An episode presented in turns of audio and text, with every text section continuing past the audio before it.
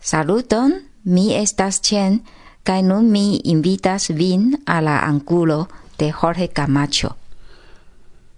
Nun mi legos poemon el mia poemaro Brulvunde, kai tiu ci poemo relatas al temo iom tabua en Esperantujo, nome morto, malsanezzo caducigio de la corpo, temo tre grava al niciui. Homai corpoi Ciam oni parolas pri la homa corpo, tiel generale mi aldonu, che anca mi havas unu au inverse. Mia homa corpo de duona iarcento, cun siai emoi cae misfartoi, tiom multe vidinta, cae vivinta, sed tiom poche conanta. Gi en havas neniun misteron cae transdonas neniun mesagion crom sin mem. Se vi volas, provu legi gin per la manoi.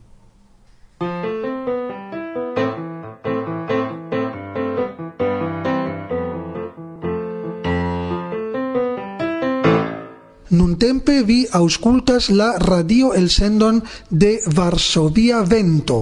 Antau nelonge mi turnis vian atenton pri la archivejo en kiu kolektitaj estas multaj intervjuoj kaj programeroj publikigitaj jam iam en la elsendoj.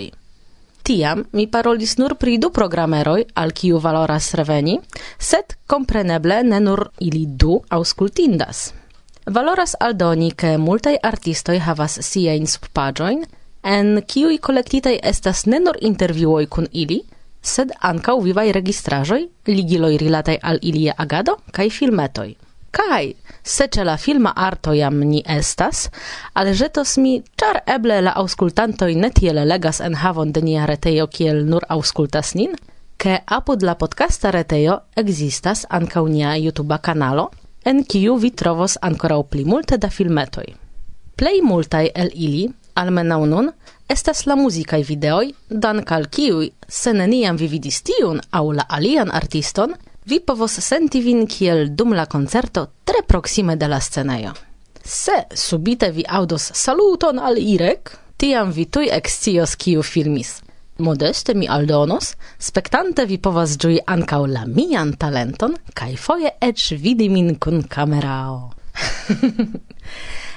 Tamen, ne nur la musicae filmetoi troveblas en nia YouTube kanalo. Vi trovos ancau etain raportoin de la aranjoi, cae ec de la ceremonio ce la monumento tombo de Ludovico ocase de la centa datreveno de lia morto danka al nia kanalo vi malkovros krome filmajn kanalojn ankaŭ de la aliaj esperantistoj. Hmm, malfacilas listigi ciuin. Do mem vi esploru, sed sciu kaj vivu kun la scio, ke ne nur Francesco Ford Coppola estas genia regisoro, al tiui apartenas ankaŭ multai esperantistoj. Resume do rekomendas mi al vi esplori nun ne nur la archiveion, sed spekti ankaŭ niajn filmetojn, parto de kiu estas eĉ kun la subskriboj. Bone, raportu al mi kiu filmeto el nia kanalo plej plaĉis al vi. Se vi ne raportos, denove mi parolos pri la samo, konvinkita ke mia voĉo iel ne atingis vian cerbon. Do, kun kisetoj al hožener, kiu kun tormenta lancis laste en la Brasila Roca Radio sian novan kodon, bedaurinde ankoraŭ ne en Esperanto, dolce brakumas mi vinciuin, ĉiujn, karaj aŭskultantoj. Agnieszka. Bla, bla, bla.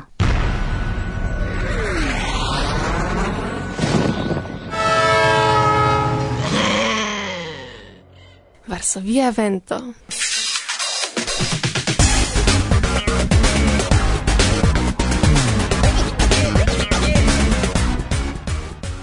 mi volus odio presenti libron kiu fakta aperis jam en la jaro 2012, generale nekonata, sed dank alla germana franca che kiu aperis en maio 2018 estis granda libro servo de la Franca Esperanto federazio kaj tie mi trovis tre interesan multlingvan libron kiu estas ĉefe por infanoj sed ne nur.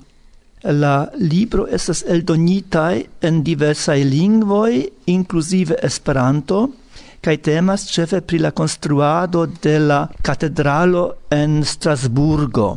Tiu katedralo estas io eksterordinara, ĉar ĝi estas iu la modelo por ĉiuj postaj gotikaj katedraloj, do mezepokaj, kiam oni ilin konstruis en multaj multaj landoj de Eŭropo, do estas fa io aliaj fama en mia lando en Kolonjo grava katedralo, sed multe aliaj similaj. Do vojaĝante tra Europa oni ofte ec ne scias rigardante catedralo en kiu lando ili estas, se la catedralo presentos niesas en Eŭropo.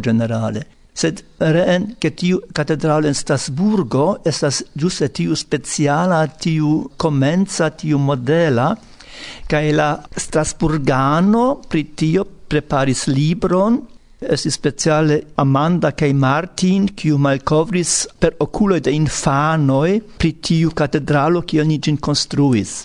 La libro estas eldonita en la regiono de Strasburgen-Mulhouse, estas alia fama urbo, iama regiono kie oni parolis germanan dialekton, tiel nomata Elsasa dialekto, estas alemana schwaba. Kai en la libro ili en kelkaj paĝoj prezentas eh, uh, exemple klarigon pri la terminologio de la laboroj konstruante katedralon. Oni mencias speciale tiun Strasburgan mem compreneble che gi comencis jam en la jaro 1176 kai ege longe dauris tiu construado cha en 1439 do kelkcent jaro kai gi facto gisodiaŭ ne estas finita sed tamen estas modelo. En la libro oni presentas la construado la historion en la formo kion tion generale infano rigardas. Kai aldonas poste diversaj facai vortoi cun clarigo, exemple conata kiel diablo, spirito de malbono, sed mm, por la catedralo exemple altaro. Kiu esas altaro? No. Altaro sanctigita tablo por celebri la meson. Mm che soni malbone celebras la diablo venos no? ancau vorto dio dio signifas dio soni volas al e clarigi sa super estajo la creinto de cio.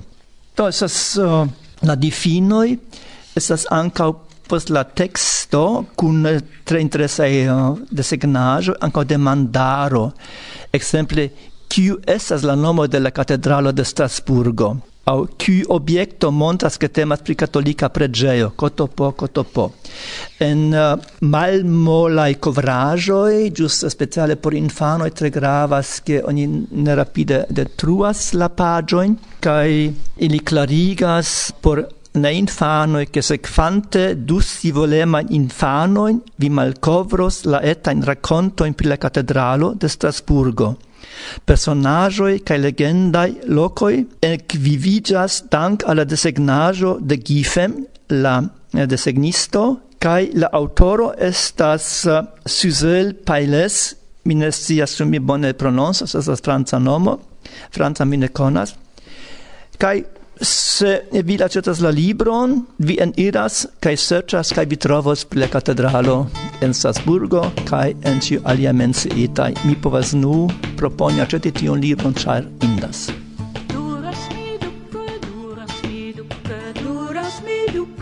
duras mi duca duras mi duca duras mi duca duras mi duca duras la cavalier che uno lince rivereto cun dumac fostacni sen silent parolis amindume duras mi duca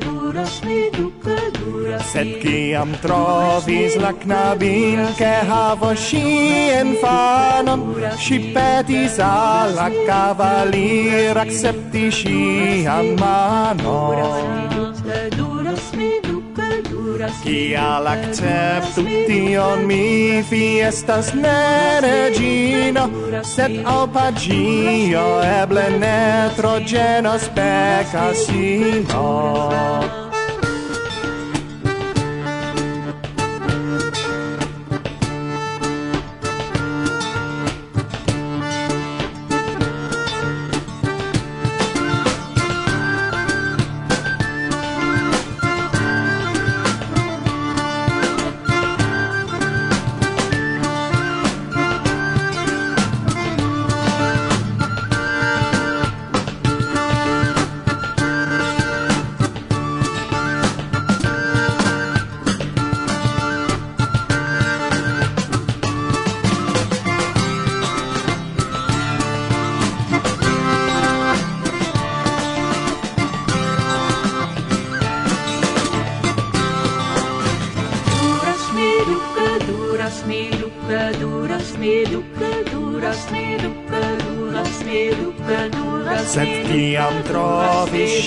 fraske havo ŝi infanon li petis al la kavaliro cerco compano.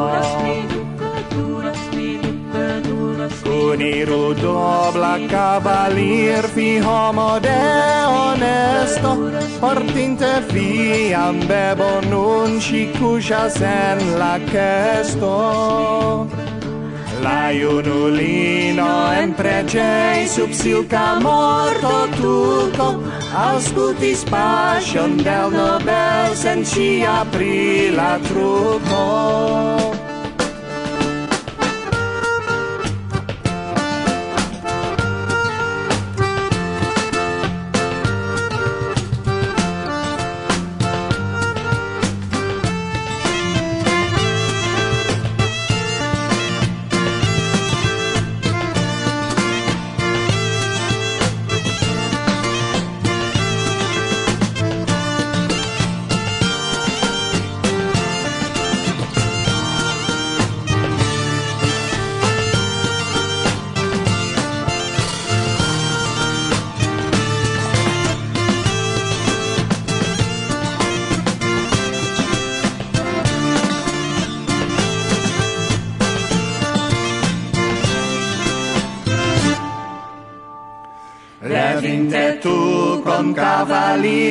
observis ridan buŝon kaj unu fingro movis sin sentante lian tuŝon.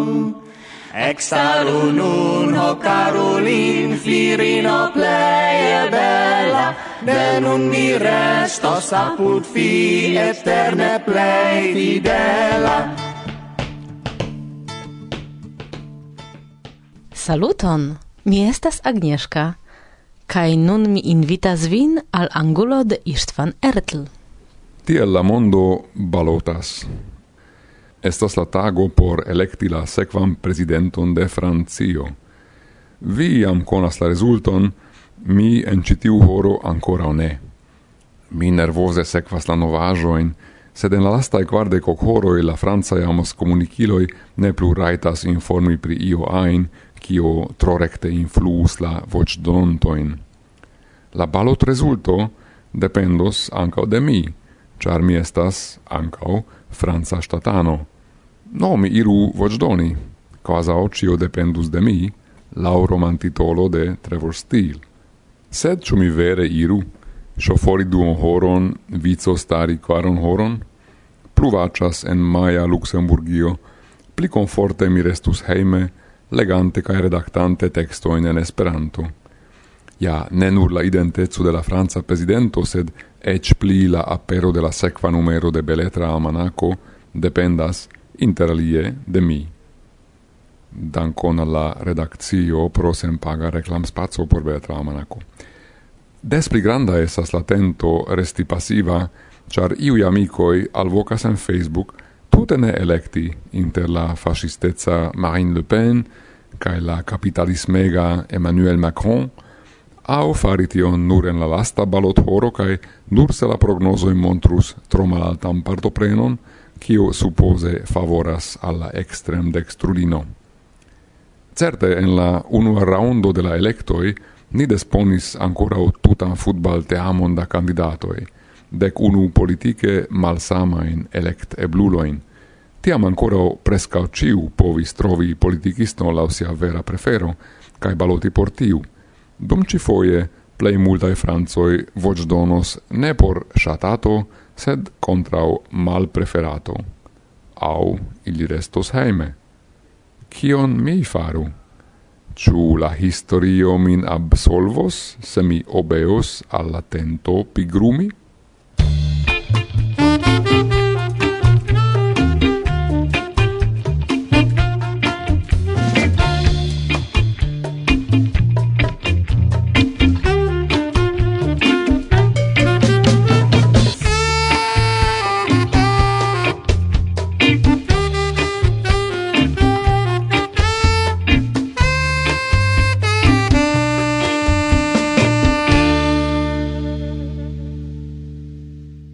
varsovia vento bla bla bla. Mi pensis pri kio hodiaŭ al vi rakonti. Kaj verdire nenion mi elpensis. Eble, ĉar se temas pri Esperanto, nenio dum ĉimarto iel varbis mian atenton. Au, eble ĉar almenaŭ en tiu parto de la mondo, en kiu mi vivas, venis printempo. Nature do, mi pensas pri multaj aliaj aferoj, kaj antaŭ ĉio sopire mi attendas sunun cae pli varmigion de la vetero.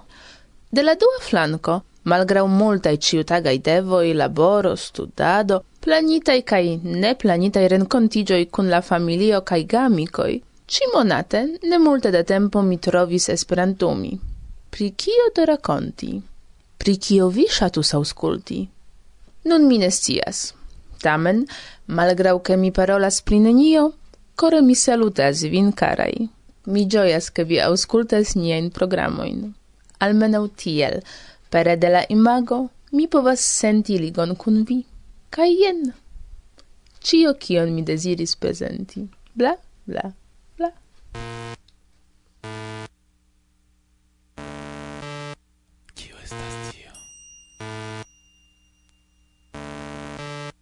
Ne standardo de bar cuno sen barbo. Cantità e ne pista tandaria arbara tandaro Tic tac tic tac tic tac brano Korczak por martusza pervorto Kortusza seć maculas provoco Kartosio en pa film memorial poco.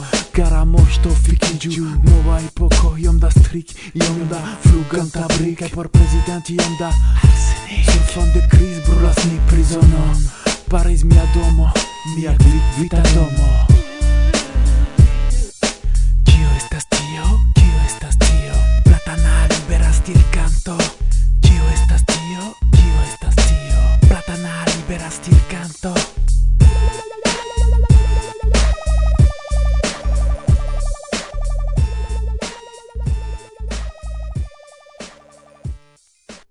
estas Jean-Marie Cash, kaj mi nun invitas vin al la angulo de Ricardo Cash. Mia credo. Ofte mi pensis pri vivo cae morto, cae ŝajnis al mi, ke tutte ne gravos. Mondo sen amo neniu ci zorgas, de nasco al morto nenion mi havos.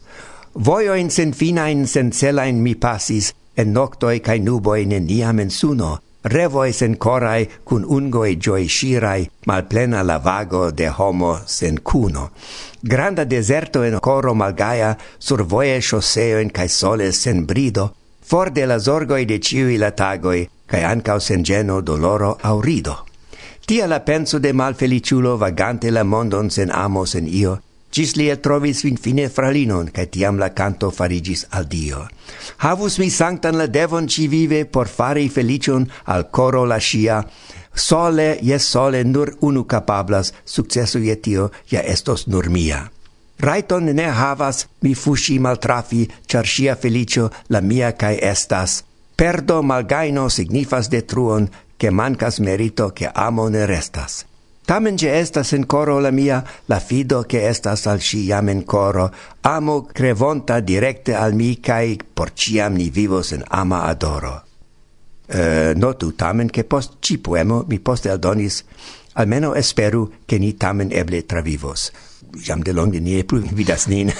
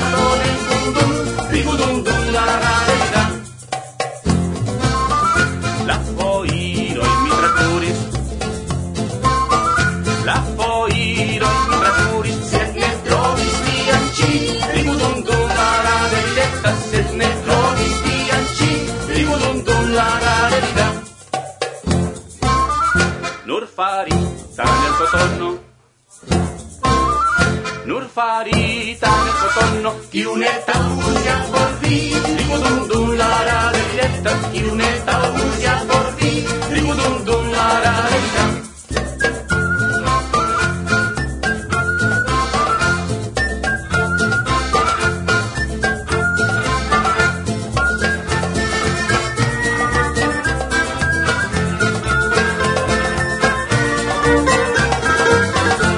Saluton, mi estas Ala kai nun mi invitas vin alla angulo de Aleksandro Melnikov. Mm -hmm. Do resaluton care ge auscultantoi.